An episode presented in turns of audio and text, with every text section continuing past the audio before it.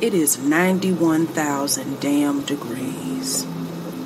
I am sitting right next to my air conditioner. It is on the lowest temperature on the highest damn speed, okay? And it's on turbo. What the fuck do I need to put this bitch on? Power Ranger? I did not sign up for this. When I prayed during the winter months, I asked the Lord to make it warm. I did not say, Lord, please bring the devil from hell. That's not what I asked for. Velkommen til Lolbua, episode 251. Eh, vi fortsetter vår trilogi. Dette er siste episode i en trilogi om fremtida. Eh, I episode 248 så snakka vi om apokalypsen. Eh, hva vil skje når verden går under? I episode 249 så snakka vi om teknologi. Hva byr fremtida på av kunstig intelligens, krig og også andre fæle ting? Og nå skal vi ta kanskje den viktigste delen av fremtida, nemlig miljø, skal det handle om i dag. Jon Cato heter jeg. Jeg har med meg min uh, dommedagsmakker uh, Lars. Hallo. Hallo, hallo. Har du kommet deg etter siste uh, forrige episode, der du vel fant ut at det var ikke noe håp? Ja, Det var mest deprimerende sendinga vi har hatt. Eh, Vårt orakel Frank Tore kom bare med dommedagsting, enten det gjaldt eh, lokale forhold på jorda eller ute i verdensrommet. Så jeg regner med det blir en gladsending i dag, da. Ja, for nå skal det handle om miljø, og alle vet jo at det går så det suser. Det blir varmere og varmere i Norge. Vi har snart sånn Syden Vi trenger ikke å dra til Syden snart, fordi det blir, uh, blir sol hele året i Norge, skal vi tro miljøforskerne. Og vi har fått med en av en meget uh, god miljøforsker, Steffen Kalbekken, du er med oss. Velkommen skal du være. Jo, takk skal du ha. Heter du... klimaforsker, gjør ikke det? Miljøforsker, det er noe annet. Det er noe annet, sikkert. Ja, mest miljø og andre ting som vi ikke jobber med. da. Miljøgifter og kjemikalier og naturvern og andre ting. Vi er mest på klima. Ok. Klimaforsker Steffen Kalbakken, som jobber ved Cicero. Det høres ut som en sånn siciliansk mafiafamilie. Er det, er det, er det støtta av mafiaen? I hvert fall uh, italiensk opprinnelse, da, på navnet. Det er vel den gamle romerske poeten og politikeren Cicero som det kommer fra. Så det er fra en romersk eller italiensk eh, forbindelse. Fint skal det være når man er i akademia. Da skal det liksom være røtter tilbake til ja, Det aller viktigste er en god forkortelse. Du finner, finner, hva det skal stå for først, og etterpå om du fyller inn hva, hva lorene Nettopp. Vi skal få høre mer om eh, miljø og klima, og eh, hva, hva fremtida bringer av uh, klimaendringer, hva vi må gjøre for å tilpasse oss, hva vi kan gjøre for å forhindre det, og hva dere driver med nede på Cicero. Uttaler jeg det riktig? Jeg bruker å si Cicero, men ingen er sikker siden det er latinsk, og ingen som snakker det, lever lenger. Cicero. Cicero miljø, klimaforsk. Italienerne sier Kikero. Kikero. Da sier vi Kikero her. Men før det så skal vi gå gjennom vår eh, fa faste sendeplan, og det første vi bruker å gjøre, er jo å snakke om hva som har skjedd siden sist. Uh, Lars, har det skjedd noe bortsett fra at du har fått en grønn, fin militærcaps? Jeg har fått en ny sveis. Jeg har fått så lite hår nå at eh, av og til står bare håret alle veier opp. Eh, så derfor fant jeg det nødvendig å putte på en caps i siste liten. så det, det, er det som ligger bak det. Nei, det siste, jeg har begynt å gå på ski, eh, og jeg har bare sånn gamle drittski, så det har vært skikkelig plagsomt. Men det har vært så fint vær, så jeg vil spørre dere, har dere kjøpt ski i det siste? og be hvordan ski skal jeg kjøpe for liksom, å få litt, litt glid og litt sånn action. Jeg har hørt, jeg har hørt snakk om felleski. Eh, jeg har felleski, som jeg rukker å bruke én hel gang. Mm. virker lovende, men det er kanskje litt tynt grunnlag, for å si. Uh, det ja. håper jeg at jeg skal slippe å smøre og stå der med klister i påsken og sånt, at de fikser alle forhold. Når du tråkker ned, så tar den fellen nedi og gir deg feste, og så når du glir, så løfter den opp i midten, og du sklir på det mm. som ikke er fell på. Ja. Tror du det funker greit? okay. Tar det som en terningkast seks fra Steffen. Basert på én hel tur på i hvert fall åtte kilometer, så var det bra. Jeg går litt på ski når vi er på fjellhytta vår, der vi bruker å ha hytteepisoden, Lars. Men mine ski er de De har hatt siden jeg var 19 år, altså de er 25 år gamle nå. Eh, Det er sånne smørefrie eh, glassfiberski eller noe sånt, så de sklir verken frem eller bak. Og det er helt eh, Jeg har dratt pulk de siste ti årene på skitur, Ja. så, så jo mindre skli, jo bedre, spør du meg. Så du må, jeg har null peiling på ski. Det er sånn Selda-symbol på de, de trekantene. Fischer, var det ikke de som hadde Fischer, den, Fisher, er det vel, ja. ja. Jeg har uh, Jeg har jo kjøpt Tesla siden sist. Nå har jeg endelig fått en Tesla modell 3 som jeg har gått og venta på et par måneder. Så eh, det er mitt bidrag til eh, bedre klima og miljø. Nei, nå har jeg fått prøve kjøre Tesla nå i noen dager. Det var en veldig artig bil å kjøre. Det jeg var mest spent på, i og med at vi er i fremtidstrilogien i Lolbua nå, var jo selvfølgelig autopilot og autostyring og sånne ting. Så jeg har hørt mye rart om uh, at det funker De fleste sier at det funker bra, da, men veldig, jeg var jo veldig skeptisk når jeg satt på autopiloten første gang og kjenner rattet begynne å styre av seg sjøl på motorveien med masse biler foran og bak, og uh, Ah. det går så det suser. Eh, Nå er jeg helt trygg på den autopiloten. Jeg hver gang jeg kjører ut på ringveien eller motorveien, så setter jeg den på, og så lener jeg meg tilbake. Så må du liksom ha én hånd på rattet, fordi det er ikke lov å kjøre bil uten hendene på rattet. Eh. Så jeg har én hånd på rattet, bare hviler nederst på rattet, og bilen svinger og kjører, og det har ikke vært noen farlige situasjoner. Den gasser opp og ned, og så hvis jeg vil kjøre skifte fil, så bare blinker jeg til venstre, og så finner den et tidspunkt, og så skifter den fil av seg sjøl. Utrolig uh, Utrolig. Når jeg kjørte inn til sendinga nå, hadde jeg vært nede i byen. Kjørte hjem, var det mørkt, neonlys, og så hørte jeg på eh, noe futuristisk musikk på radioen mens bilen min kjørte av seg sjøl hjem. Da følte jeg meg som jeg var i cyberpunk-fremtida mer enn noen gang før, altså.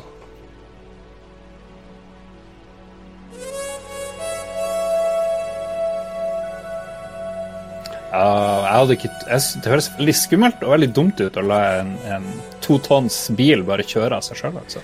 Ja, men de sier statistikken viser jo at ulykken som Tesla Model 3 er involvert i, er jo Det er nesten ikke ulykke når du har autopiloten på. Det er jo mye mer ulykke når du kjører med autopiloten av. Eh, og de uly ulykkene der autopiloten er på, så vidt jeg har skjønt, så er det jo en eller annen gærning som kjører rett i det. Altså, det er jo ikke bilen som klikker, det er, det er situasjoner som er der andre sjåfører skaper farlige situasjoner. Ja, ok, ok. Eh, har du Tesla, du, eh, Steffen?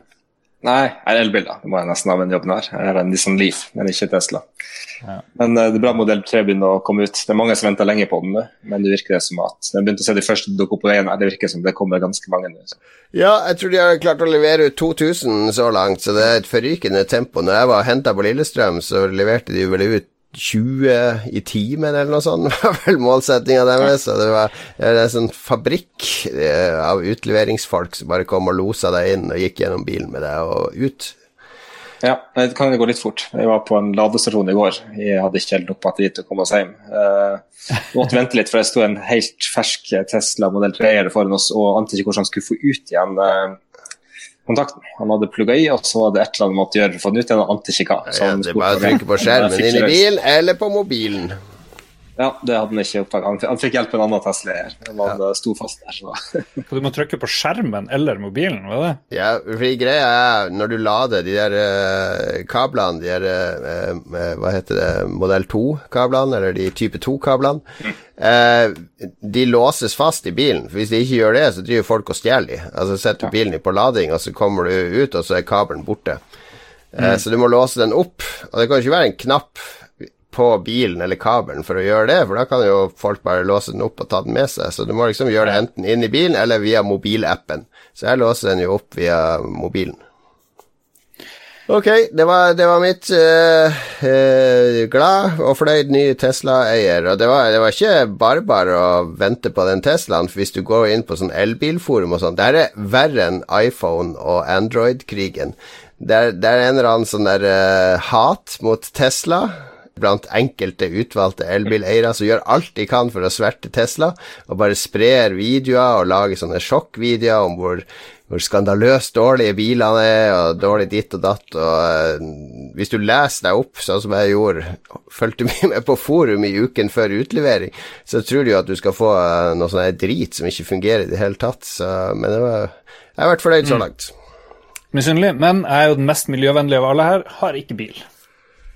Du har ikke bil, men du flyr på styremøter hver helg omtrent, så, uh, så vi kan diskutere hvor miljøvennlig du er. Steffen, hva, hva har du gjort i det siste? Åssen har din vinter vært? Jeg har faktisk sykla til jobb nesten hele vinteren. Velkommen til NM i hvem som er mest miljøvennlig. Ja, det skal vi finne ut i løpet av programmet. Men da skal vi høre på litt musikk, og så skal vi snakke om hva vi har spilt siden sist.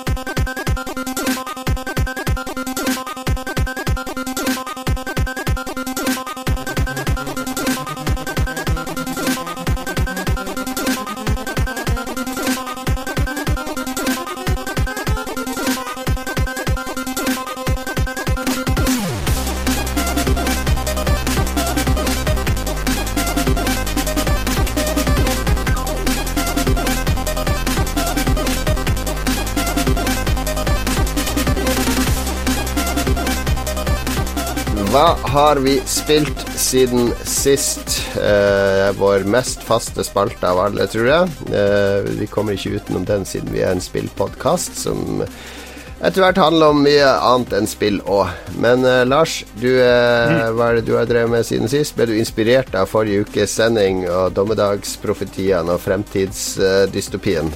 Mm, ja. Så jeg heiv meg rett på krigsspill, atomvåpen på avveie i eh, Call of Duty Modern Warfare Remaster, som jo er gratis nå eh, for tida på PlayStation. Network. Ja, og det var litt morsom callback. Det er jo eh, det første sånne bra Call of Duty-spillet, sånn moderne av dem. Hva det heter de her Vince Sampella og de her eh, Ja, som nå lager Apex Legends. Det er jo de som lagde det her. Så eh, det er ikke alt som fungerer like bra i dag som i 2007. Det er jo hva det blir, tolv år gammelt eh, spill. eh, blant annet sånn her eh, du driver og flyr et eh, Hercules C130 med sånne enorme kanoner, og så bare skyter du vilt ned i en sånn landsby. Eh, det eneste du ikke får lov å skyte på, det er dine egne tropper og en kirke. Resten av landsbyen fritt vilt. Bare skyt vilt så lenge du ikke dreper dine egne eller fornærmer Gud. Så det, det tror ikke jeg hadde gått helt i dag, da. Men spillmekanikken og liksom actionscenene og sånne ting fungerer veldig bra. Jeg har ikke kommet så langt som at jeg har spilt multiplier. multiplayer. Jeg er veldig spent på hvor mange det er som driver og spiller multiplayer akkurat nå. Det er veldig mye likt fra moderne sånne skytespill. Hvis du sammenligner Titanfall eh, 2, som er det siste lignende spillet de lagde, og eh, Mm. Call of Duty 4 Modern Warfare, så er det, det er veldig mye som ligner. Hva var det som fikk deg til å spille det, i stedet for eh, Anthem og alt mulig annet du har liggende? Nei, Jeg hadde besøk av en, en kompis, og så eh, er det jo veldig gøy å drive og eh, gi fra seg styrestikker hver gang du dauer, så gir du han videre. Og så eh, var jeg litt sånn interessert i å se hvordan spillet har holdt seg. og jeg må jo si, Handlinga er jo fremdeles drit. Jeg klarer jo ikke å huske noe av det som skjer.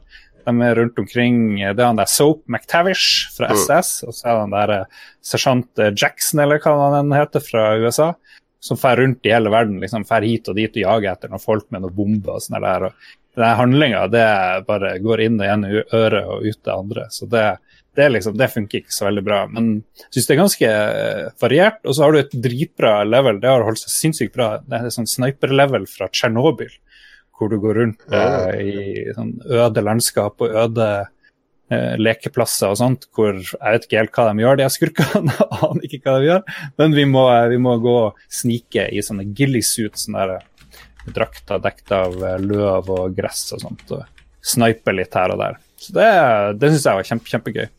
Og grafikken i remasteren er bra, og musikken er helt OK, og alt det der. Så jeg anbefaler, hvis du får det gratis på PlayStation Network, så er det absolutt ingen grunn til å ikke spille det. Men um, jeg vet ikke. Og så er det litt tortur, selvfølgelig. Det var kult i 2007. Ok. Jo, takk for uh, det. Er det sånn Du elsker jo å se råtne gamle filmer fra 80- og 90-tallet. Er det sånn at det føles Er det begynt sånn på spill òg, at det her er akkurat gammelt nok til at du føler at det her bringer deg inn i denne komfortsona di?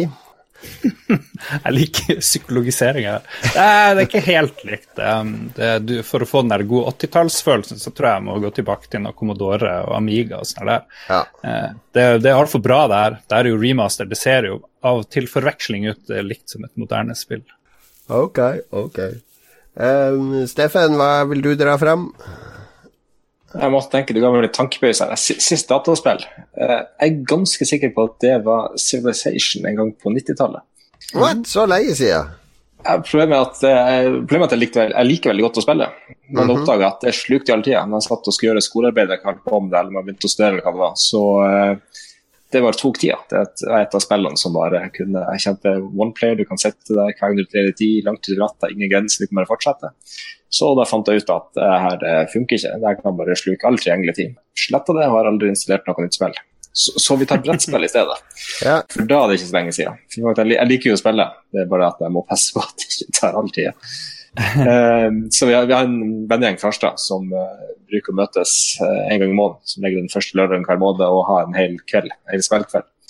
Eh, så jeg prøvde å tenke hva var sist brettspill. for Sist kan være faktisk poker. Men jeg lurer på om siste brettspillet var vel kanskje Puerto Rico.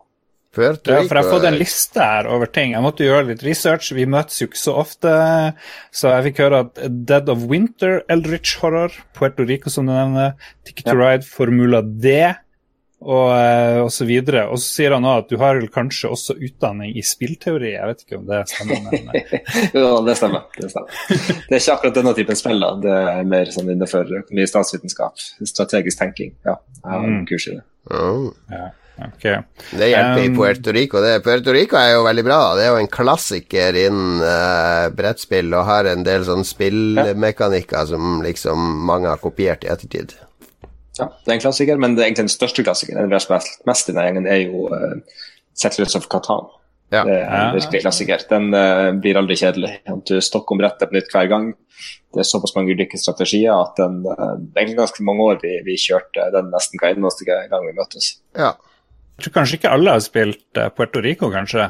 Eh, Det, kan jo, det er ikke så berømt, eh, kanskje. Det eller er, så, det er så vanskelig å selge det, fordi du skal liksom selge varer og kjempe om å få shippa de, og det er ikke, det er ikke veldig Ja, spennende det, er sånn, pitch. det handler om å holde en eh, flyt gående.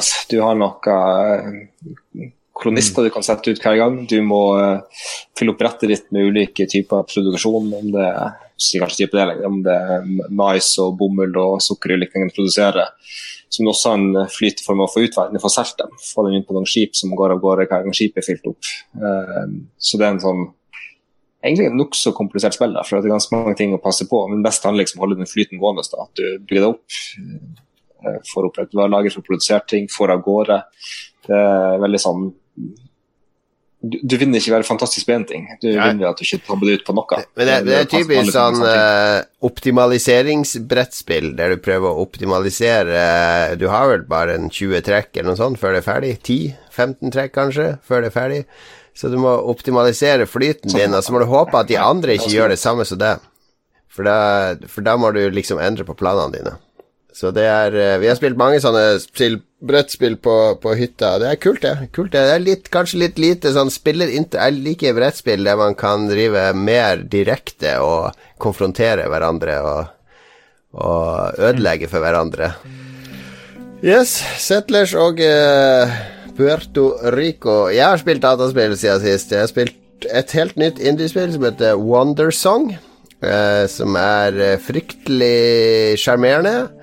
Eh, plattformspill der du spiller en bard som skal redde verden ved å synge. Så du kan gå rundt, og så kan du synge Den høyre spaken er åtte ulike noter, da. Så du tar den i forskjellige retninger, så sier du Sånn opp og ned. Du kan drive og lage egne melodier. Så alt det er synka med bakgrunnsmusikken. Så uansett hvor du tar det i spaken, spaken, så synger han med melodiene som går i spillet. Så bare det i seg sjøl er sjarmerende nok. Men så skal du bruke disse tonene til masse. Du, må, du møter en fugl, og så synger han tre toner, og så må du herme etter de tonene, og da følger fuglen etter deg, og den fuglen hjelper deg å hoppe høyere. Eh, så har du andre puzzles der du skal stå på sånne planter, så du må styre med sangen din for å komme deg opp på plattforma.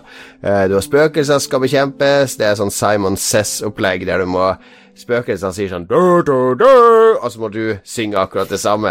Uh, det er bare supersjarmerende plattformspill. Det, er litt sånn morsom start over det første som skjer i spillet, at du finner et sverd. Og så plukker han opp det sverdet, så ser du at han er veldig ukomfortabel med det sverdet. Du kan liksom holde det i åtte retninger, men uansett hvor du holder det, så er det sånn øh, øh, øh. Han går og stresser. Altså, første monster du møter, prøver du å slå med sverdet, da bare mister du det. Så da begynner han å synge i stedet. Fordi det er liksom sangen som er hans våpen i, i verden her. Så jeg ble veldig, veldig sjarmert av det spillet. Wondersong heter det. Også, Hvor du spiller det? eh, På Steam fant jeg det. Eh, Jeg vet ikke om det er noen andre steder. Men Hvem er det som har lagd det, vet du det? Nei, det, jeg hadde aldri hørt om de. Jeg bare så uh, leste en, en, en, eh, en anmeldelse av det, så syntes jeg det hørtes spennende ut. Ok.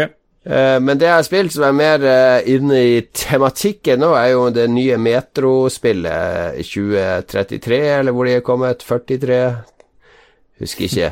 Det nyeste Metro-spillet til eh, som, Det som ble så mye bråk med fordi det ikke kom på Steam, men på Epic Game Store. Og det er jo det tredje spillet i en russisk serie som handler om at det har vært atomkrig, og, eh, og eh, det var opprinnelig en bok, da, at de overlevende i Moskva de har liksom forskansa seg inne i det gigantiske undergrunns T-banenettverket de har i Moskva. Eh, og det blir ulike faksjoner, det blir liksom nynazister og kommunister og alt mulig som kjemper mot hverandre. Så det første spillet foregikk jo nedi der, og så det andre spillet så var det litt mer ute i byen. Og i det tredje spillet her nå, så får man faktisk ut av byen. Man finner et tog eh, ganske tidlig i spillet. Eh, det blir noe kamp og krig, og så ender man opp på dette toget da, som skal langt østover i, i Russland, da, til der det visstnok bor ganske mange folk utendørs. Eh, og er en sånn koloni med overlevende.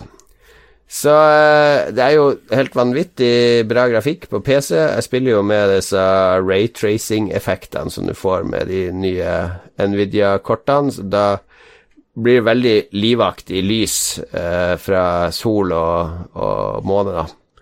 Jeg tror, ikke, jeg tror de jukser med innendørslys, for det blir for mye lyskilder å balansere alle skygger og effekter oppå. Men hver gang det er noe sånn der solscener utendørs eller inne i fabrikker som er ødelagt med sola som kommer inn gjennom vinduet og sånn, ser helt smashing ut. Og så er det mye mer åpent enn jeg hadde trodd, for de andre spillene har vært veldig sånn lineære, altså litt sånn som de gamle Half-Life-spillene, at du går liksom en sti, og så kommer du til et rom, og her skal du skyte, og så skal du gå videre, og så går du ned til en elv, og så kjører du en båt frem, og så går du land på en kai. Men så er det liksom Du kommer til et stort område, og så er det én sånn befolkning der oppe, så er det en fabrikk sørover, og så er det en bro der, og så kan du liksom gå rundt og utforske litt på egen hånd og, og i et mye større kart. Så det hadde jeg ikke forventa, at det skulle være sånn open eh, exploration-aktig. Ja. Det heter forresten Metro Exodus. eh, Heter det. Metro Exodus heter det. Men vi kan jo spørre, er det, det handler jo om atomkrig og sånt. Er det, hvor mye forskning går, er det på eh, atomkrig og hvordan klimaet blir etter det? Det? Eller tenker man bare på det, men det som er kjent, er jo det de kaller atomvinter. At uh, sprenges for mye samtidig, så uh, har du altfor mye partikler oppi atmosfæren som reflekterer alt ut, og det blir iskaldt. Ingen matproduksjon, uh, ikke noe trivelig sted å være. det, Sånn er det vel i spillet òg? Det er vel litt Det er jo konstant vinter i sånn. spillet, ja, men det er jo ikke Det er vel minus ti eller noe sånt, så det er jo ikke verre enn en nordnorsk vinter.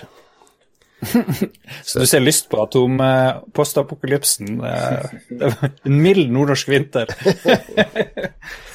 Ja. Nei, men det, jeg ble overraskende oppslukt i det spillet, fordi jeg opprinnelig hadde tenkt at jeg ikke egentlig noen lyst til å spille et singleplayer FPS-spill. Jeg spiller Apex Legends, jeg spilte en del Anthem.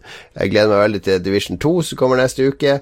Eh, men så tenkte jeg ja, får jo teste det. Jeg likte jo de forrige ganske bra, og jeg likte det mye mer enn jeg hadde trodd. Uh, veldig mye skripta scener og dialog og alt mulig sånn, men det funker. Og så spiller jeg det jo med Eh, Mange som har klaga på dårlig voice acting, men det er jo bare å velge russisk og engelsk tekst, så har du jo løst det, fordi da høres alle mye sintere og barskere ut med en gang. Ja. Enn den der alle var mye crafting, var det ikke det? Du må liksom bruke ressurser og bygge ting, og at det skulle være litt kjedelig, hørte jeg noen. Ja, det er jo limited med ammo og sånne ting, men foreløpig har ikke det vært så plagsomt med kraftige. Men det er akkurat som Last of Us og alle de spillene, at du finner sånne deler overalt. Men det er for så vidt det jeg ikke liker i sånne spill, er ofte det at du går inn i et rom, og så blinker det på en hylle. Her er det en ting, og så blinker det på en sånn skuff. Her er det en ting. Eh, mens det er det ikke her. Så du blir faktisk mm. belønna for å utforske ordentlig. For jeg har funnet sånne skatter og ting her og der. Det er faktisk litt sånn glede å finne, finne de tingene på egen hånd. Det skal fremdeles ikke spille Metro Exodus, men eh, for de som liker serien, så høres det ut som en ting.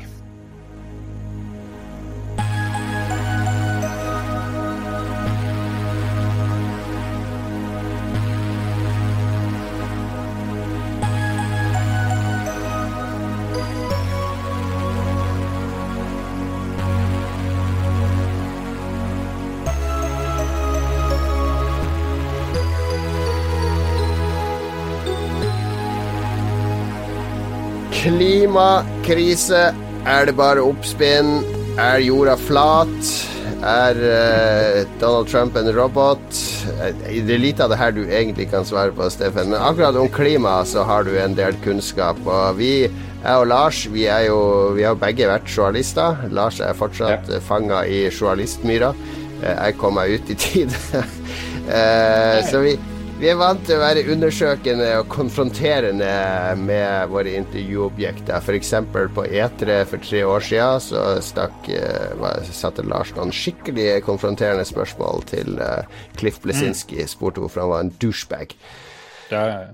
Ja. Hvorfor er du en douchebag, Stefan? Pål Paul Bang-Hansen sin åpning når han skulle intervjue filmregissører, var ofte I, uh, Your movie was terrible. Why did you make it? Det var en, en meget god introduksjon, mente han da. Men eh, vi skal høre litt om klima her. Som Kato sier, vi har knallharde spørsmål. og Første, er det noen gode spill, eller generelt spill, som du vet som handler om klima? Jeg syns ikke det er så veldig mye, men det finnes sikkert noe der ute. Hvis dere går til film, så er det litt lettere å ta. Der har du litt mer å ta av. Men på ja. spill, ingenting jeg umiddelbart kan tenke på. Jeg tipper det er bakgrunnen der. Mye sånn apokalyptisk, så er det noe sånn generell bakgrunn på at det ble for varmt eller det ble for kaldt eller noe skjedde, det ble ulevelig på planeten. Jeg, jeg, sånn, jeg mener å huske f.eks. sånn som um, SimCity. Hvis du bygde for mye industri i nærheten av boligområder, så gikk levestandarden ned, og folk ble sykere og sånne ting. Var det sånne mm. enkle ting for å vise konsekvenser av uh, dårlig byplanlegging. Og også tror jeg de nyeste Civilization-spillene har et sånn der klimaaspekt med Du kan, du kan ja. fucke opp klimaet hvis du er for egoistisk og grådig.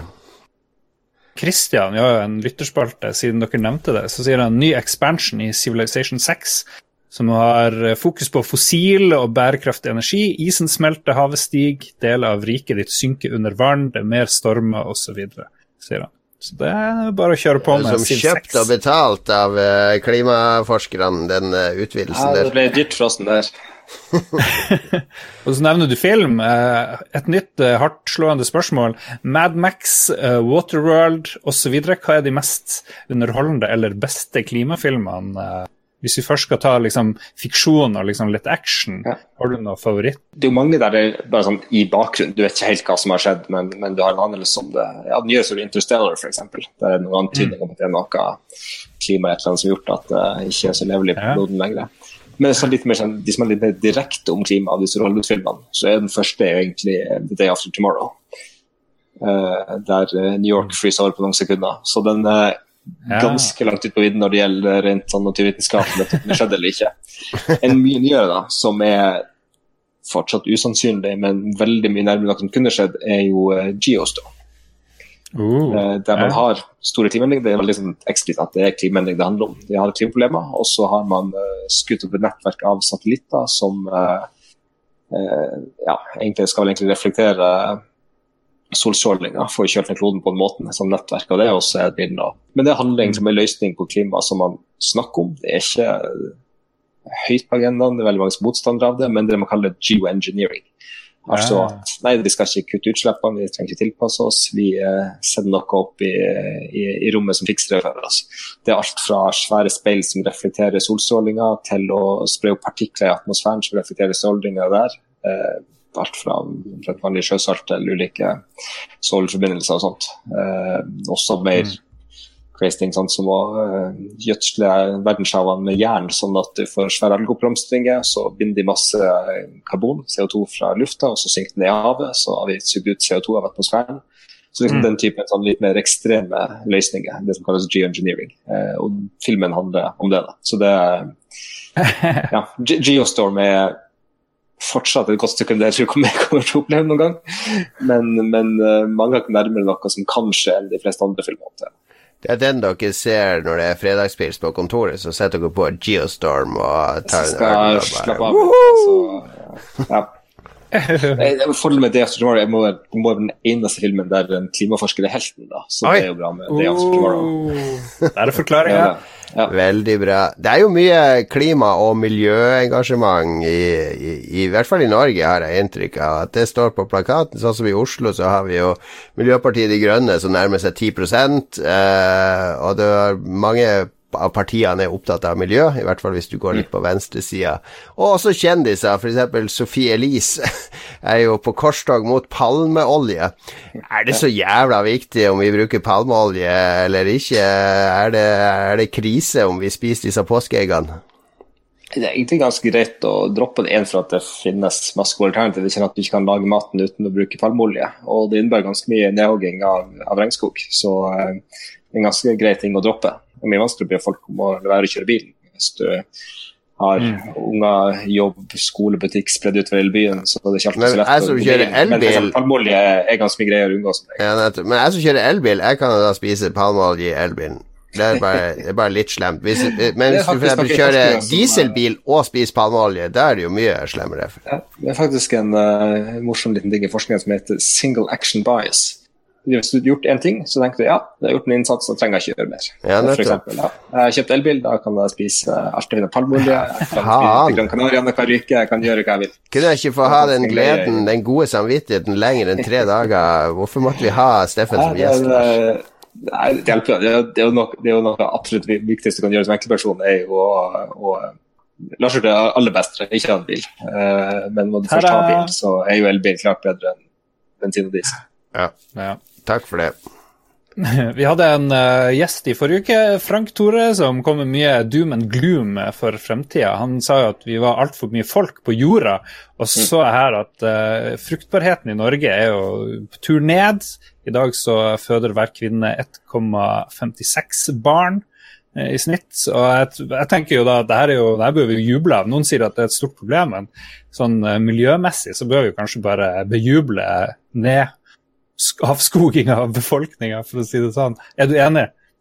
Ja, det, det, hjelper altså, det er jo mye lettere å uh, ha en bærekraftig klode hvis vi er færre mennesker. Uh, jeg ser på ingen måte at vi skal prøve å kutte ned antall mennesker, men det er positivt at veldig mange land har nådd toppen i befolkninga og at befolkningsveksten er på vei nedover. Etter hvert som land blir rikere, så er det ganske sterk tendens at folk får færre barn, og så snur det. Og det er da positivt, for eh, hadde det vært noen flere milliarder, så hadde det vært enda vanskeligere å få ned utslippene og redusere alle påvirkninger vi har på økosystemene i verden. Men hvor mange burde vi være, syns du, hvis du fikk velge? Én uh, milliard, høres det greit ut? En milliard hadde vært bedre enn uh, 9-10-11-12 som vi er på vei mot. Men uh, man må være litt flink med hvordan man snakker om det. Det handler ikke om at man skal bli færre. Ingen Ja. som finnes i dag skal fjernes. Men uh, hadde det vært noen millioner på kloden, så kunne det brent av alt vi fant av kull, olje og gass omtrent uten å skape noen problemer. Så kanskje antallet betyr noe. Ja. For det, jeg tenker, men det er jo, det er jo ikke så vanskelig å, å begrense. Det er jo bare å kjøre Kinas ettbarnpolitikk Det er over hele kloden. Boom. Altså, det har beklage, vært, må vært beregninger av uh, hva slags tiltak i verden som hatt mest å si for å begrense utslippene. Og Kinas ettbarnspolitikk var jeg husker ikke eksakt, men i hvert fall på topp tre-lista der. Og masse problemer, sånn som at uh, i mange samfunn er jo gutter foretrukken, så da får man enten aborter eller andre måter at man får valgt bort jenter på uheldige måter. Så det, det er ganske mye negativt det føle med seg. Equinor og oljen vår, eh, Steffen, bør vi kutte ut det her med en gang? Legge ned oljeplattformene, gjøre de om Kanskje vi kan gjøre de om til sånne fornøyelsesparker for rike? Eh, store escape rooms ute i Nordsjøen. Kanskje ikke, gjort det helt i morgen, men uh, det er jo fornuftig å tenke over at hvis vi klarer å håndtere klimaproblemet, så kommer vi til å bruke mye mindre olje og også gass etter hvert. Ja, det er ikke sikkert vi skal fortsette å sprøyte inn så mye penger i det. Så kan vi i hvert fall starte med at vi kan i hvert fall begynne med å bremse veksten, ikke utvinne de, mest, si, de, minst lønnsomme områdene. De som først ryker hvis, hvis uh, oljeprisen og gassprisen går nedover. Ja. Så det er nok med risikoen vi tar, da, at vi satser veldig tungt på det. Vi, det. Det er smart å spre seg litt mer. og ikke det altfor høy risiko, og heller ikke satse mot vår egen politikk. Regjeringen sier på ene siden at vi skal oppfylle målene i Parisavtalen, den store internasjonale klimaavtalen. Og det innebærer, hvis man skal nå de målene, så innebærer det at uh, nokså raskt blir mindre etterspørsel etter olje, og etter hvert også etter gass.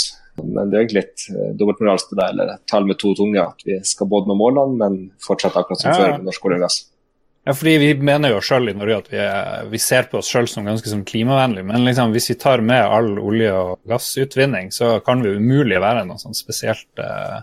Norsk olje og gass har veldig lave utslipp per enhet du vinner ut. Men det som er viktig, det handler jo om når du vinner den ut. De store utslippene kommer inn når du brenner den for å lage strøm eller få bilen til å gå fremover, eller hva du bruker det til. Mm. Eh, og jeg vet ikke om det argumentet imponerer resten av verden så mye. Jeg man ser liksom, Den siste dråpen olje burde være norsk for at vi lavest utslipp. Ja, men da tror jeg Saudi-Arabia sier at ja, men deres koster 25 dollar fatet utvinne, våre koster kanskje 5 dollar. Er du sikker på at det er smart at dere skal gjøre det, ikke vi? Det er andre hensyn å ta. det etiske. Er det rike nordmenn som skal få lov til å utvinne den siste oljen, eller er det andre fattige land som skal få lov til å gjøre det? Så det er ganske mye mer det handler om enn bare at vi er best. Og vi er, Norge er flink utover plattformene, så har vi gjort mye for å få de utslippene i utvinninga. Men uh, det får ikke ut utslippene som kommer i brennoljegassen, og det er hele poenget med det. Men det er, jo, det er noe vår venn Mats han har jo lest Han jobber jo i oljeindustrien, så han har en mulig agenda her. Men han går nå og forkynner en bok som heter A Moral Case for Fossil Fuels.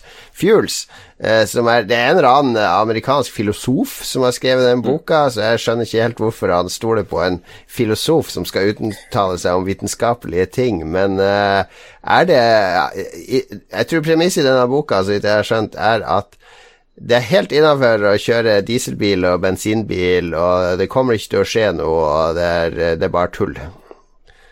Rett og slett at det ikke finnes klimaendringer, eller det er det som egentlig er? Jeg tror de mener at det er større eh, farer ved å slutte å bruke fossile brennstoff enn sant? For hvis du slutter, så vil det medføre så mye problemer for jorda eh, osv. Det vil altså, være mange som lider. Eh, ja, jeg, kjenner ikke den boka, men de argumentene som ligner litt, som jeg kjenner til, er jo typisk at uh, vi trenger kull og gass for å løfte verdens fattige ut av fattigdom, og vi trenger det for utvikling og sånt. Men, men det har jo skjedd mye. Det, I veldig mange plasser i verden i dag så er det billigere å, å bygge solkraft enn kullkraft. Eh, og da er det ingen grunn til å velge kullkraft. Eh, det er masse land som ikke er godt utfridd strømforsyning. Ja, hvis du skal bygge kullkraftverk, så trenger du bygge svære linjer rundt omkring hele landet og forsyne alle sammen. Starter med solkraft, så kan hver landsby, hver gård starte for seg sjøl og få den strømmen de trenger. Så det er ganske mange fordeler med det nye fornybare løsninger i forhold til det gamle systemet. Ja. Eh, andre argument jeg har hørt fra boka, er at CO2 er mat for plantene, så det er bra. Bra for eh, jordbruk eh, osv. Er det et godt argument? Altså, det, er jo, det, er jo, riktig at det er mat for plantene, og at uh, en del planter vokser bedre når det er mer uh, eh, CO2 i. eller de fleste planter vokser bedre når det, når det er mye CO2 i atmosfæren. Men så slår det tilbake på andre måter. da. Blir det varmere for mer ekstremvær, så blir det jo skadet på andre måter. De fleste planter har en temperaturgrense hvor, hvor mye de trives innenfor, og du får hele økosystemer som havner i trøbbel for at det blir for varmt eller blir for vått eller for tørt. Eh, så blir jo, naturen blir jo skadet på andre måter, og mye verre enn den lille gevinsten du har ved at det er litt mer CO2 i atmosfæren. Vi, skal, vi, må få, eh, vi må få det tilbake, og vi skal gi deg denne boka. Vi skal bruke Patrion-penger på å gi deg denne boka. Så vi får uttale deg med en re review av den boka. Først, ja. Tror du, Steffen, at menneskeheten eksisterer om 500 år? Ja, det tror jeg. Ja. Det tror jeg egentlig vi er såpass eh, si, motstandsdyktige. Eh, samme hvor galt det går, så tror jeg at eh, det er noen som overlever. Spørsmålet er hvor mange av oss er det, og hvor bra har vi det. Yeah. Men jeg er ikke noe særlig tvil om at det finnes en menneskehet også om 500 år.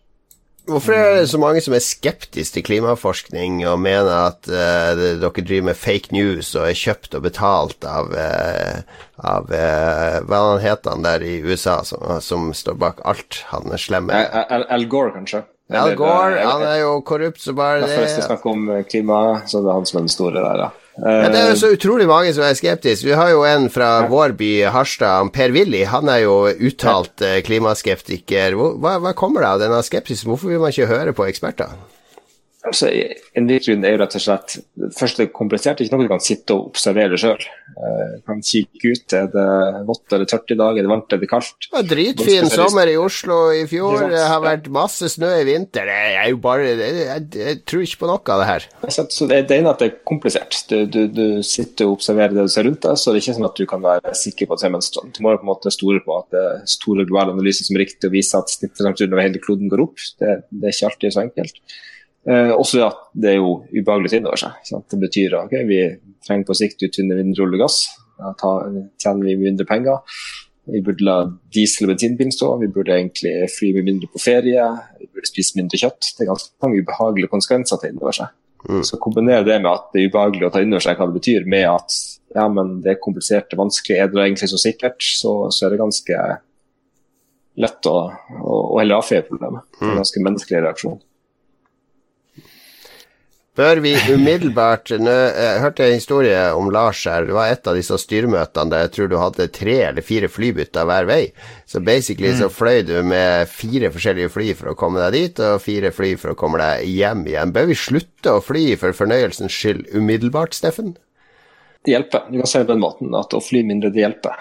Uh, men jeg skal ikke moralisere. Uh, Eh, jeg bor i Oslo og familie i Harstad. Det er ikke noen annen praktisk måte å komme hjem på enn å fly, så jeg flyr jo. Eh, skal hjem rett før påsken tur, blant annet. Eh, så det kjente, ja, det hjelper, men vi kommer ikke til å klare det. For det er så mange som er avhengig av å fly, det er viktig for mange. Det, mange har stor glede av det. Mm. Så vi må jobbe med hva man kan gjøre. Kan jeg, Hjelpe litt å få fly over på biologisk drivstoff, altså biodrivstoff. Mm ikke rett, sånn rett rundt hjørnet, men elfly begynner å komme etter hvert. Eh, er det ikke for lange distanser, så kan jo eh, eh, tog og andre muligheter være et alternativ. Mm. København så går det båt fra Oslo. Kan man kjøre sånn klippekort? Jo, eh, du, får sånn, du får to flyreiser i året, vær så god.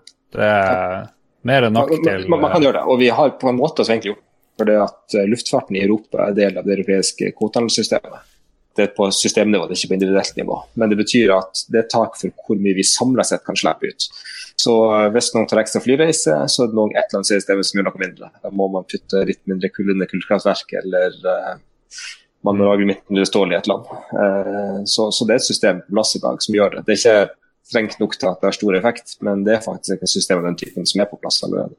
Jeg er jo sånn, ikke hver måned på sånn styremøtetur, men det er jo nesten. og Vi kunne jo tatt de møtene på Skype eller på et eller annet. Det blir jo det blir ikke like bra, kanskje, men jeg vet ikke. Det, det ja, fordi du, du sitter i, et sånn, uh, i sånne styrer med sånne privilegerte gubbevelder som er vant til å mm. vine og dine og møtes og uh, ha en ramme rundt det. Ja, ja, ja. Altså, det, det, det er to land der det er mulig å kutte en del. Uh, det er grenser for det. Det ene er at uh, det fungerer dårlig med folk man ikke kjenner godt fra før av. Uh, blir møtt, bygger tillit, så er det noe annet å være ansikt til ansikt.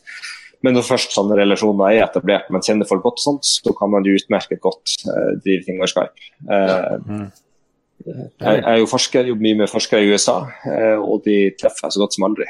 Det er nok jeg vet ikke, sikkert 200 Skype-møter for hver gang vi møtes fysisk. Ja. Mm. En, en, en, tysker i Colorado jeg jobber med nå i hvert fall over 12 år, nærmere 15 år, tror jeg. Han tror jeg ikke jeg har møtt på helt sikkert rundt fem år eller noe sånt, kanskje. Mm. Så det er ganske mye når det er etablert. Jeg, jeg, jeg sier ikke det rett i starten. Vi kjenner folk bygger tillit, nei, det er noe annet å møtes fysisk. Men når det er på plass, så er det ganske mye man da kan gjøre med teknologi på, på mail, på Skype, på andre kommunikasjonsplattformer. Mm. På Heggen husker jeg på 90-tallet var det en sånn miljødebatt med noen politiske partier om natur og ungdom og sånn. Det var snakk om ozonlaget var jo veldig inn på 90-tallet med å kutte ut sånne spraydeodoranter og, og, og, sånne ting. Og da husker jeg det var en, en ung FPU-er i den debatten, det var ikke Per-Willy Amundsen denne gangen, eh, som sa det er bedre med litt godlukt under armene enn et ozonlag langt der oppe. Eh, skal jeg gå rundt og lukte eh, Skal du gå rundt og stinke i nærheten av meg for at vi skal ha et ozonlag? Fuck no, det var hans eh, holdning. Det er jo en av de glade historiene som finnes er jo at det er et problem de er i ferd med å løse. Så at man fant ganske gode alternativer raskt. Altså andre gasser som gjør det samme, som fortsatt sikrer at du uh, får pumpa ut den sprayen med god lukt. Uh, sånn at jeg har ikke si, reparert det ennå. Men uh, utslippene raskt på vei nedover. Det er planer på plass som sikrer at det skjer. Så det er et problem som vi har klart å håndtere ganske godt.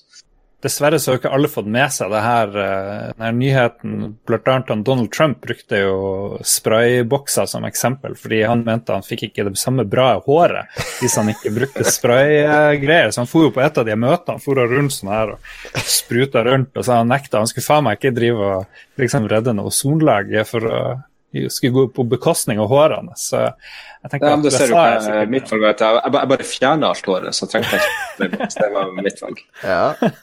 ja. Men jeg tenker USA, hvor stort problem har de blitt etter at han, Trump har tatt over?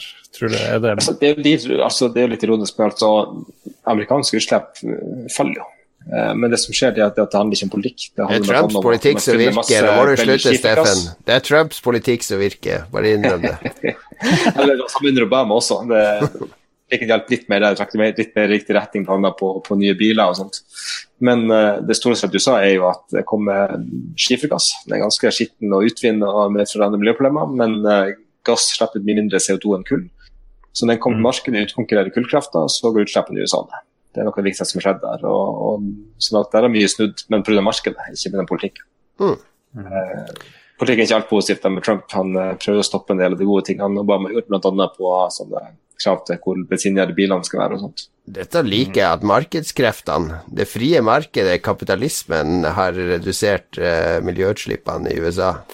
Ja, det kan det gjøre. det. Problemet er at det ikke det er ikke innebygd retning. Noen ganger så tegnes det politikken for styreretninger, men noen ganger så trekker det riktig retning. Og kan det skje det samme nå med elbiler, solkraft, vindkraft. Blir det billigere med konkurransedyktig, så kommer det uansett, uavhengig av politikken. Mm. Men, jeg syns du er altfor positiv, Steffen.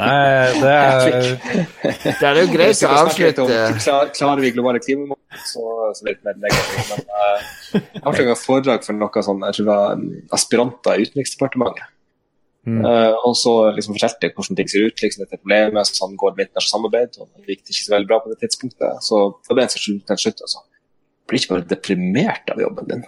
Jeg tenkte ok, nå må jeg passe på at når jeg snakker om dette, så må jeg passe på å få fram det positive også. At det ikke er alt som blir stadig vekk verre. Noen ting blir bedre. Det er fortsatt absolutt alvorlige problemer, men man må se litt på at det er, jeg tror fortsatt det er en menneskehet er 500 år, og, og, og noen ting går i hvert fall i riktig retning. Ja. Mm.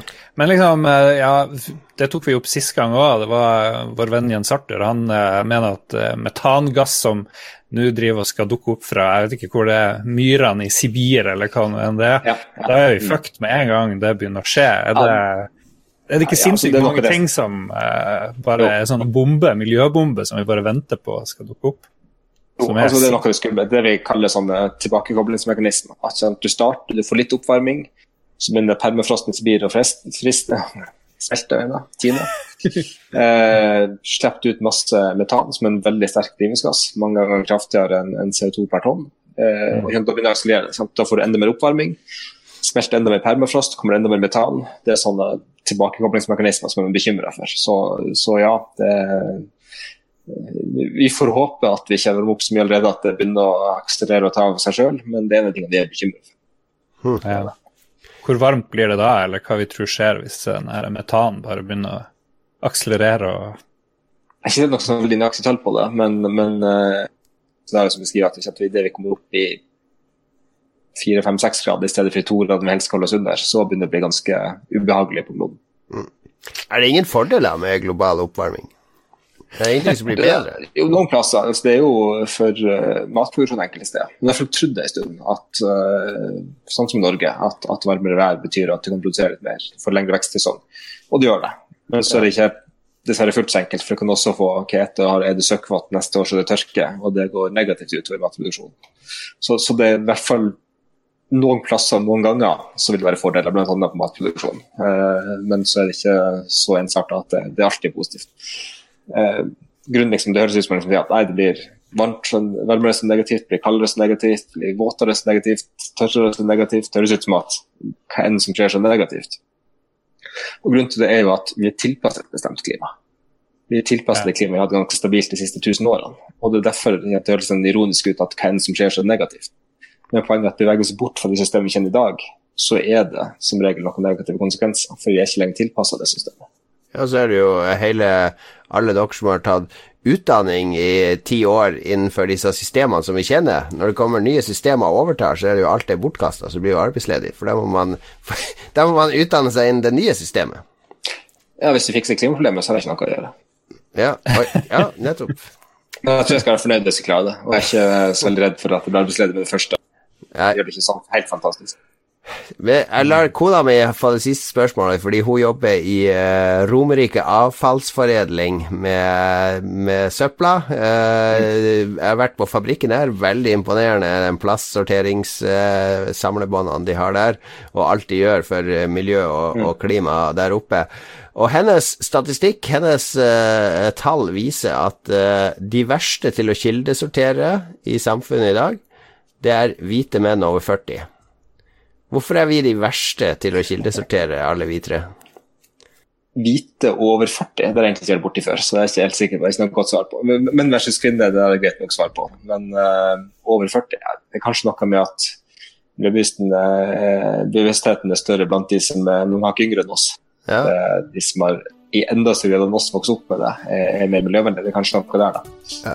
Min teori er at vi er jo blitt veldig Det er så trygt og godt i samfunnet, så vi som, som maskuline jegere er blitt så domesticated at vi trenger sånne små utløp der vi kan være opprørere av individer. Så bare ah, Fuck it, den Nugatti-boksen den slenger jeg rett opp i restavfallet, ikke i plast i dag. Ah!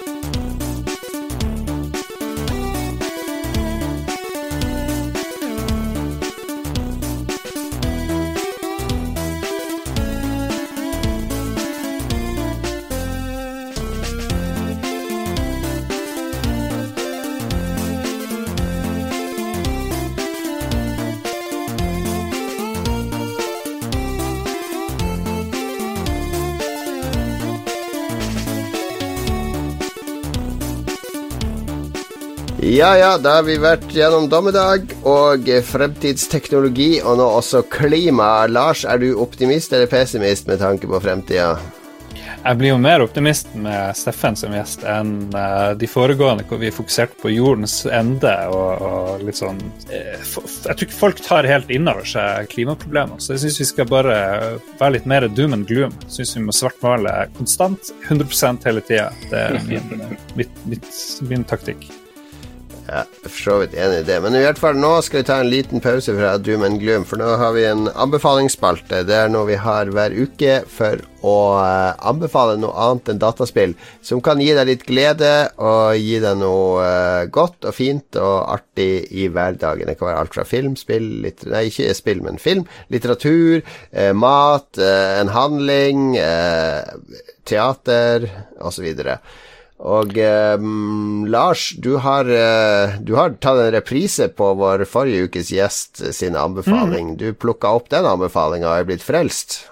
Frank anbefalte Cradle-serien av Will White, og jeg er nå på lest bok én. Og jeg har lest bok to, og nå sånn halvveis i bok tre. De er ikke så veldig lang. Det er sånne her eh, sword and sorcery-greier i Kina, inspirert. Eh, folk er sånne martial artists. Alle kan karate, for å si det sånn. Det er satt i sånn her føydaltid, eh, det er mye monster, mye ting. Men eh, den serien har òg et slags sånn science fiction-bakteppe som er litt sånn interessant. Og eh, ja, må si jeg er veldig, veldig imponert datt ned i hullet der. Jeg skjønner godt hvorfor Frank liksom nå prøver å finne mer sånn Vuxia-litteratur. Jeg tipper det meste er mye drit. Jeg prøvde å se noen sånn kinesiske TV-seere, det er jo bare som å se Power Rangers, og det er helt forferdelig. Men i bokform, det, der tror jeg det funker ganske bra. Så det er det er masse ulike verdener, det er masse kule karakterer. Minner meg litt om de her uh, Tracy Wiseman og Hicks, var det de het, de der som skrev de her eh, Ja, det var Ja, Dragonlance og The Dark ja. Sword og de der gamle bøkene der. Dungeons and Dragons-baserte.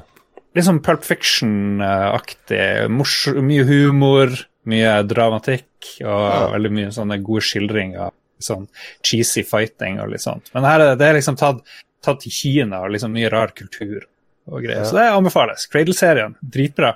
Cradle-serien jeg vil være Vi skal holde oss i Asia med min anbefaling, fordi jeg, eh, jeg snubla over eh, Jeg har jo også investert i ny TV nylig, så nå er jeg jo blitt TV-slave. Slutta å spille spill, og plutselig ser jeg filmer og TV-serier og nyter den nye skjermen min. Og der snubla jeg over når jeg bladde gjennom iTunes og nytt og interessant. Eh, en film som heter One Cut of the Dead. En japansk skrekkfilm fra 2017 eh, som jeg ikke hadde hørt om før. Og så leste jeg litt om den, så ok, jeg har fått superbra kritikk. eh, sånn festivalfavoritt, så jeg eh, kjøpte den for 99 og så den. Herregud, for en artig zombiefilm. For en sjarmerende, sprudlende eh, eh, altså, altså, Det er en film med sånn uvante lag med dybde i, som du oppdager etter hvert. Som jeg, jeg kan ikke røpe det, for det er mye bedre å gå inn blind når du ser den filmen. Men eh, hele premisset er liksom at de skal lage en zombiefilm i ett ett take, og det er ganske imponerende hva de har fått til der. Det er liksom ingen klipp eller noe som helst. Så jeg ble var litt skeptisk først, for de så litt sånn dodgy ut. Når du har sånn ny og fin TV, så vil du at alle filmer skal være i 4K og HDR og sånn. Men det glemte jeg veldig fort når jeg så den, for dette her er et Jeg tror det ble laga med et budsjett på 230 000 kroner eller noe sånt på åtte dager, med bare amatørskuespillere. Det her er, det er George Romero-aktig, det er Får sånn vibber fra Clerks og sånne ting. Altså de der eh, lavbudsjett indie-filmene som bare blir lagt merke til fordi de skiller seg helt ut. Så Sjekk den ut, den er på iTunes nå. Eh, sikkert på andre kjøpetjenester òg. 99 kroner er den vel verdt. One Cut of the Dead heter den japanske eh, splatter zombie-horrorkomedie. 撮影は続けるカメラは止めない最高かよ Steffen, har du noe kult på lager til Ja, oss? Steffen anbefaler kildesortering. Det er det morsomste du kan gjøre. Nei, jeg måtte tenke litt om. Eh, jeg regner med at eh, de som følger dere, har ganske oversikt over eh, hva som er nytt og kult ute på Netflix overalt ellers. Så jeg tenker jo ikke, hva, hva annet kan jeg finne på? da? Noe de kanskje ikke har fanget opp. Eh, så en av mine favoritter, vi snakker i bøker her, eh, Bernard Cornwell. Eh, en engelsk forfatter som skriver det som kalles eh, historical fiction. Altså utgangspunkt i faktisk historie, men spinner historie da, som er kanskje et litt mer interessant enn det som faktisk har skjedd. Rundt konger som har levd, eh, faktiske slag som har funnet sted, etc., men, men, men legge inn noe nye elementer. Eh, han har gjort mye forskjellig. Uh, blant Sharp-serien om eh, eh, fra det satt engelske militæret på 1800-tallet. Men min favoritt der er jo eh, bøkene om Utred. Eh, blanding mellom eh, vikinger og eh, engelsk kriger som, eh, som eh, som mot vikingene i det eh, Kong Alfred forsøker å danne det som blir England etter hvert. Eh, det finnes som eh, to sesonger nå, uh, Last Kingdom, ute på, på Netflix. Men det bøkene anbefaler. De, de gir deg mye mer enn uh, en det serien gjør. Selv om den også er, er helt fin, så eh, det er mye morsomt i bøkene hans. La, Last Kingdom, er det den serien Er ikke det en norsk skuespiller, men det er han Jeppe Beck eh, Nei, jeg har hørt noe om det. Jeg husker ja. ikke Det er jo vår tidligere Lolbua-gjest er vel med i den serien. Han har vært gjest her, Ja. han. Mm. Men det er, er sånn eh, Jeg har lest noe Robert Harris har lest Han har en bok som heter Fatherland, som handler om eh, hvis Hitler vant krigen, basically, som foregår på 60-tallet, der Naziriket fortsatt eksisterer, men, eh, men Hitler ligger for døden, og det er detektivmysterium og sånn. Det er veldig fascinerende, sånne bøker som vrir litt på historien. Altså Det er fortsatt gjenkjennbart, men de tenker seg what if? Ja, det finnes en ganske lignende variant som jeg tror det heter eh, London Smog eller noe sånt. Der uh, uh, nazistene vant krigen, eh, og Churchill fortsatte uh, motstanden seg i en slags undergrunnsbevegelse.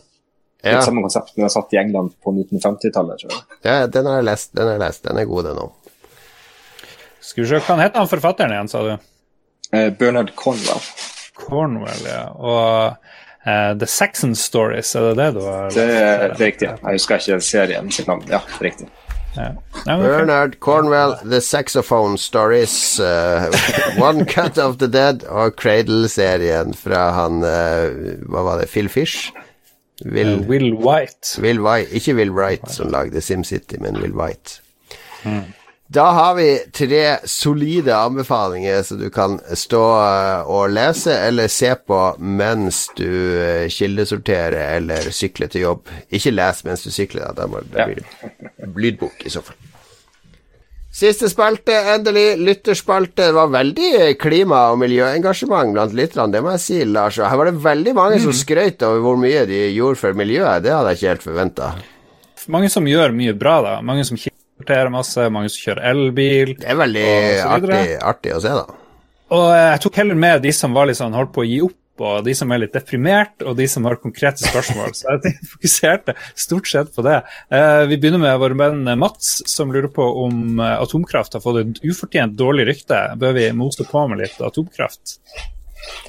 Det er jo et vanskelig spørsmål, da. fordi at det, det, det er pluss og minus det spørs hva du legger vekt på. Eh, Det er utslippsfritt, det er ingen CO2-utslipp, det er bra, men så er det ganske stort avfallsproblem og sikkerhetsproblem. Eh, Atomavfallet må håndteres på et eller annet vis.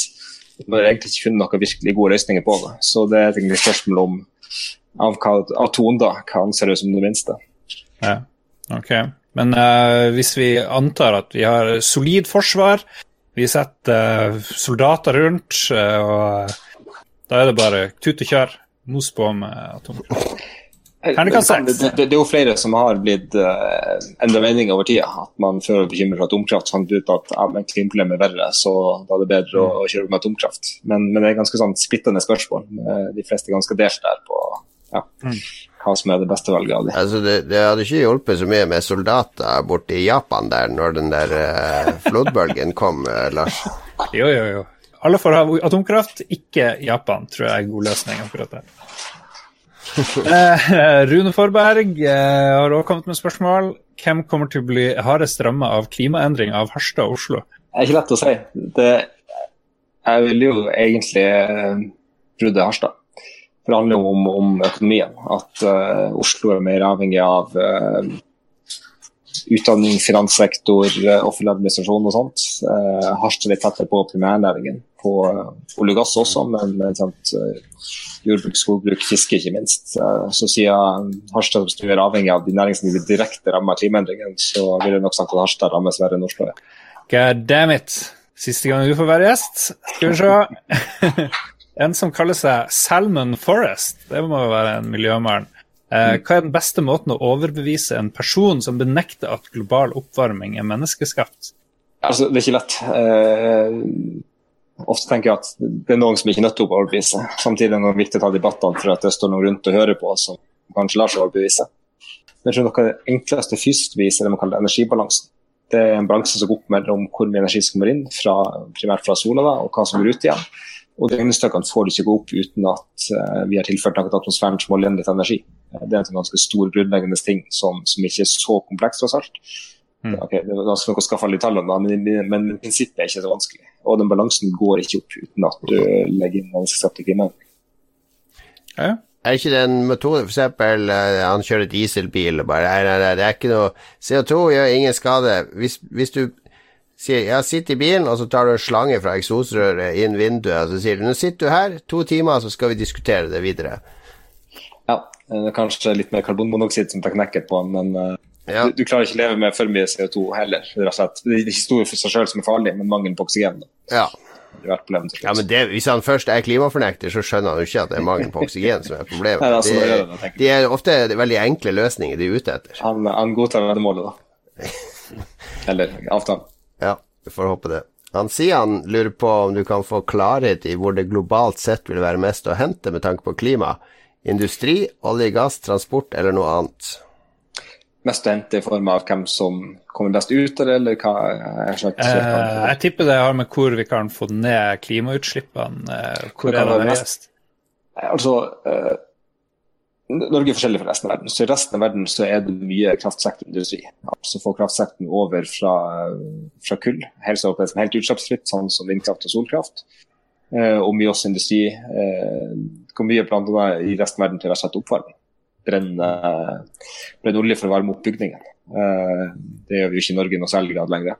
Eh, så vi henter Norge så annerledes, for vi har jo den rene vannkrafta. Eh, sånn at kraftproduksjonen er ren, oppvarming er stort sett ganske rent, eh, mest strøm.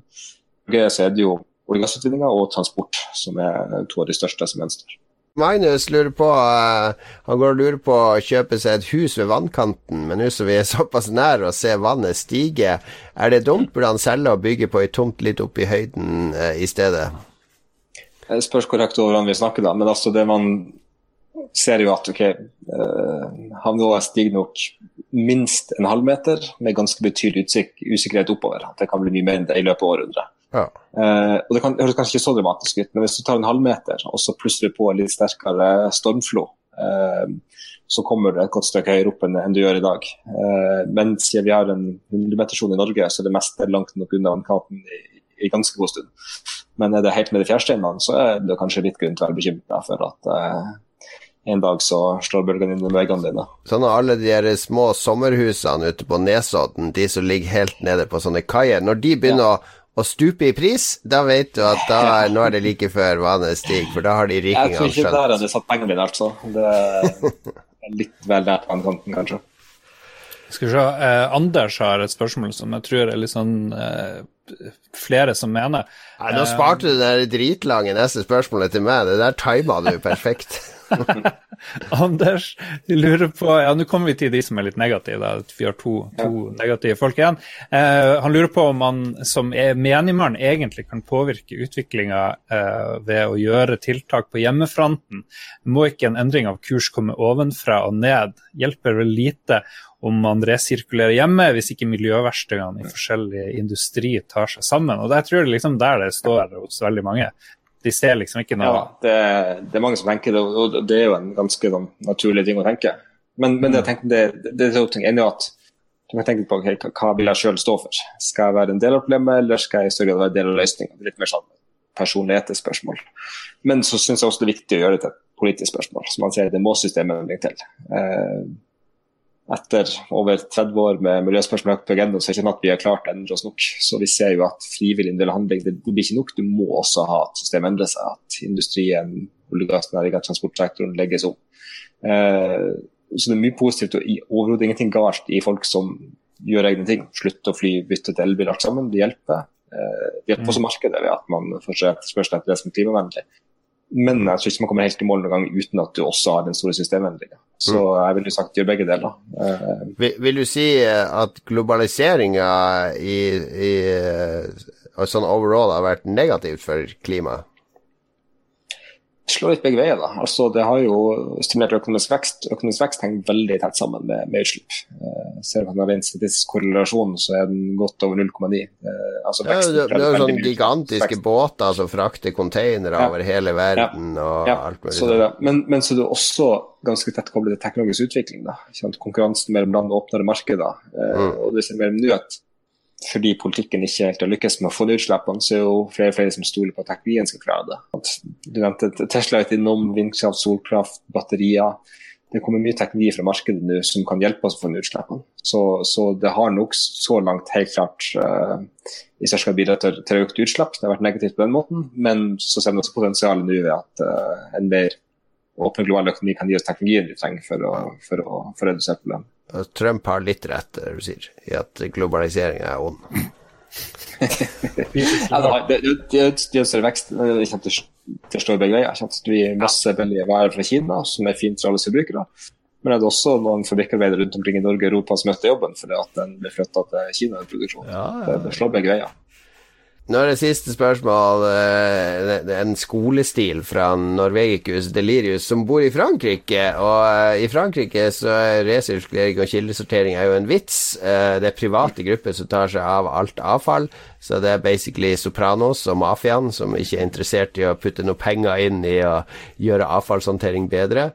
Um, han sier at han har gjort sitt beste, har lagd til og med egen kompost, men så ser han på at alle store land og bedrifter gir fullt faen. Uh, de som forurenser mest, og da Ja det, det, han sier det, det er ganske sjåvinistisk å tro at det er vi som redder planeten. Vi prøver egentlig bare å redde oss selv, og jeg tror det skipet har seilt, så han lever livet sitt som han vil, og gir faen som alle andre her nede. Tror ikke på den teorien om at alle monner drar, verden er på tur rett til helvete. Om 400-500 år finnes det ikke et menneske igjen, og naturen kommer til å ta igjen alt vi har ødelagt. Moder jord har vært der lenger enn oss alle, og kommer til å være igjen lenge etter oss, og det kommer til å være annet liv som overlever, men ikke Homo sapiens. Og en siste ting, sier han, i Norge er vi heldige. Elbilene går på vind, bølge, vannkraft, men særlig i Frankrike så er det kull, gass og atomkraft eh, som skaffer strømmen til elbilene. Så han er ikke sikker på hva som er verst, bensin eller elektriske biler i Frankrike. Jeg kan ta det enkle. Eh, Frankrike har veldig mye atomkraft. Eh, som betyr at kjører elbiler, så slipper den egentlig ut ganske lite. Fordi det, det er ikke det 78 atomkraft eller noe sånt i, ja. i Frankrike som ikke innebærer utslipp. Så det hadde vært verre hvis du var i Polen eller noe sånt. Da hadde det stort sett bare kullkraft. Eh, ellers var det egentlig litt av det samme spørsmålet som, som det med at mm. hjelper når å gjør noe sjøl, og der blir det samme svar. Eh, yeah. Det hjelper, men det hjelper lite, og vi kommer ikke i mål uten at den også har de svære systemene. Er det ikke et paradoks at Parisavtalen fra Frankrike, og her er det en tilstandsrapport fra Frankrike, burde ikke Frankrike være et foregangsland siden uh, avtalen er oppkalt etter deres hovedstad? De prøvde jo. Det som skapte de svære gateprotestene i Frankrike, de gule vestene, var jo nettopp forsøk på å øke avgiften på bensin og diesel. Ja, Det ble ikke så godt mottatt. Nei, det ble ikke direkte godt mottatt. Folk opplevde jo at de hadde fått dårlig råd, ting ble dyrere, og så skal regjeringa i tillegg komme og gjøre noe enda dyrere. Det ble ikke særlig godt tatt imot, nei. Hvilken avtale er best, Parisavtalen eller Oslo-avtalen? ja, Nå er det ikke blitt uh, full fred mellom Israel og Palestina ennå. Det har ikke det. De fungerer like dårlig begge to, tror jeg vi kan fastslå. Ja, 92-93, det har gått 25 år eller noe sånt. Uh, jeg priser de må få litt mer tid på seg. da. Det har ikke hatt så stor effekt så langt, men det var tross alt 2015, det er ikke så mange år siden. Så jeg tror jeg skal gi den litt mer tid. Den skal, den skal få muligheten til å slå opp løpet. Ja. Vår forrige gjest mente at det var for mange positive ledere i verden. Han mente at folk skulle være mer negative er, det, er, vi for positive generelt i samfunnet til at vi klarer å liksom ta inn over oss uh, Jo, altså, det kan jo bli litt for uh, naivt noen ganger, da. Det, det, det, det, er at, at det alltid er fem minutter igjen til midnatt, altså at det går galt. Mm. Vi alltid til snarere lengre at jo da, vi, så lenge vi i løpet av ti år klarer å få nytt så går dette bra. Og det sa vi også for 30 år siden. Uh, mm. Så ja, det er, et, det er, et, poeng der med at vi skal ikke være naive heller, da. Samtidig så vet vi også at å bare kjøre på med dommedagsprofetier og ja, Da får du sånn som man... det, Da får du apati. Da, da, ja. da tuner folk ut. Det funker ja. ikke det heller. så... Det er det våre to siste bidragsytere, Anders og Norvegicus. Det, det hørtes ut som de hadde lest litt for mye negative ting. Hvis vi skal, hvis du skal komme med ett råd til våre lyttere, hvis de skal gjøre noe fornuftig, hva ville du at alle skal gjøre som uh, skal hjelpe oss til en bedre fremtid? Er det å ringe Erna og be henne skjerpe seg, eller er det å ja, det, egentlig, det, det, blir mest på den linja. da. Jeg har vært innom nettopp det her med som skal handle privat. Som igjen, det er positivt. Det hjelper. Men det kan være litt hjelp hjelpe helt nok. Så ville jeg gått mer på å gjøre det politisk. Den enkle saken er å si stem på et miljøvennlig parti. Hva jeg mener det. Men uh, det er også andre mer direkte aksjonstog. Gå inn og demonstrasjonstog, sende et, skrive et leserbrev, kontakte en politiker. Eh, jeg har selv tro på at summen av det fører fram. Eh, Eller opprette en sånn innsamlingsaksjon til bursdagen din på Facebook, som går til noen miljøorganisasjon. Så lenge du finner et godt formål, ja. ja. ja. Jeg tror det det Ja. Vi får starte Lolbua-partiet. Der har jeg mer tro på det. da.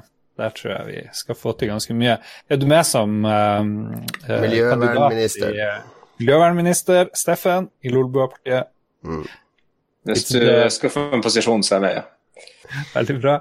Det er Vi burde sette opp vår egen regjering utover Det kan vi vente med til det nærmer seg valg, men det er en god idé. Mm. Det kan vi velge inn. Vi må jo få plass til Per-Willy et eller annet sted, da. Hvor gjør han minst skade? Sett opp deres alternative regjering. Tror, han kan få være sånn kulturminister. Nei, jo, Nei takk. Det må gjøre dere felt. Ja, ja, absolutt. Spill, film, alt det er jo ligger under kultur, det. Da har vi hatt en trilogi, vi er ferdige. Det er første gang vi har hatt liksom så mye tema tre episoder på rad. Det, Ja, det ble morsomt. En heavy session uh, før vi kan gi det ut som en sånn superpodkast for de som vil bli deprimert. Litt optimistisk på slutten. da. Jeg må si, Steffen, du, du bringer inn litt lys i mørket som vi har skapt. Jeg måtte eh, ta meg sammen etter å ha blitt deprimert hver gang jeg snakker. Men neste uke, altså for de observante, så lurer de på hvor i all verden er episode 250. Den eh, eksisterer ikke ennå, fordi vi sparer den til noe spesielt. Um, vi kan ikke helt si hva det er ennå, men uh, neste episode vil du få mer detaljer der. Men uh, jeg og Lars planlegger en uh, jubileumsepisode der, så det er egentlig bare å glede seg til. Den kommer nok nærmere påsketider, vil jeg tippe. Gjør det. Og så må dere huske å gå til vår Patrion-side hvis dere ikke har gjort det. Dere kan få Jeg tror det er blitt annenhver uke nå brev fra Jon Cato. Ja, det akkurat nå er det annenhver uke. Nå er det litt uh, mye brann på jobb. Det er brann på jobb. Dere skal ut spill. Dere som vil høre gamle episoder, kan gå på lolbua.no. Skriv gjerne en kul review på iTunes. Finn oss på Soundcloud. Finn oss våre to grupper på Facebook. Og hvis de vil følge Steffen, hvor skal de gjøre det henne? Eh, Altså, Twitter er kanskje den mest aktiv i da. Skallbekken. S. Kallbekken. Okay. Bare husk å skrive det feil, for jeg hadde en forfør en gang som Det er en kald bekk det kommer fra, men jeg skrev det med dobbel L. Kaldbekken. Dobbel L. Ja, kult. Skallbekken på Twitter, altså. Husk at Lolbua er 100% klima- og miljøvennlig. Vi er kun digital, ingen fysisk distribusjon overhodet. Det er bra. Da takker vi for oss for denne gangen. Takk for følget. Vi lover muntrere episoder og temaer eh, fremover. Dette var det tre episoder om fremtiden. Vi er beredt. Ha det bra. Ha det.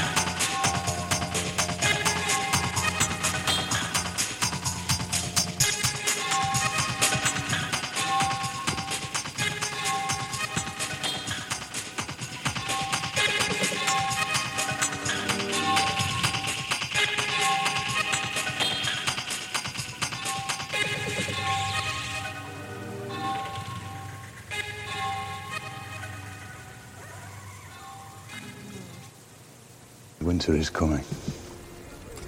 Might just be the cold. Har du et enkeltpersonforetak eller en liten bedrift? Da er du sikkert lei av å høre meg snakke om hvor enkelt det er med kvitteringer og bilag i fiken, så vi eh, gir oss her, vi. Fordi vi liker enkelt. Fiken superenkelt regnskap.